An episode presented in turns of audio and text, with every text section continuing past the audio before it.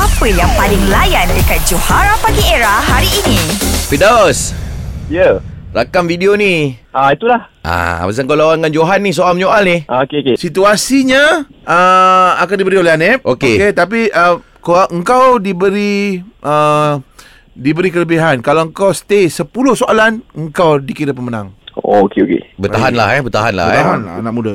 Baik, situasinya dua orang sahabat berebut-rebut nak keluar dengan Nadia Bryan. Okey. Ah, macam macam member suka orang sama lah eh. Ah, ah okey okey. Ah. Okey, lepas bunyi loceng, uh, Fidaus boleh start dulu lah. Silakan. Kenapa kau nak keluar dengan cerita dia? Kenapa kau tanya? Mestilah aku kena tanya sebab yang dia tu aku punya. Eh, oh, kejap. Jangan so, jangan jawab dulu baru nak menyoal. tak ada soalan tadi tu bro. Oh tak ada eh. Eh aduh. Tak ada. Tak ada. Kerja betul kan Kau kenal kan Nadia tu ha, Kau kena tanya okay, Kau tanya Johan macam Ah, tu okey okey okey. ha, ha, ha. Kau kenal kenal dia tu? ha. Uh, besok nak keluar pukul apa?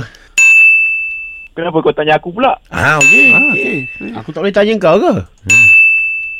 Mestilah tak boleh sebab aku punya. Ah. Ah, Okey lah Ah. bro Nanti kau nak masukkan ke FYP Kau edit lah mana-mana yang kau salah tadi tau Oi payah kan main game ni. Ah, Ah, tak adalah sepayah nak keluar dengan Nadia Bryan. Ya, betul. Ah, dia dia. Ah. Yalah, saya bukanlah nak cakap apa tapi itulah. Hmm. ha, yelah. Ah, engkau umumlah kemenangan Johan. Okey. Okey silakan Johan, Ha, Ya, ha. saya.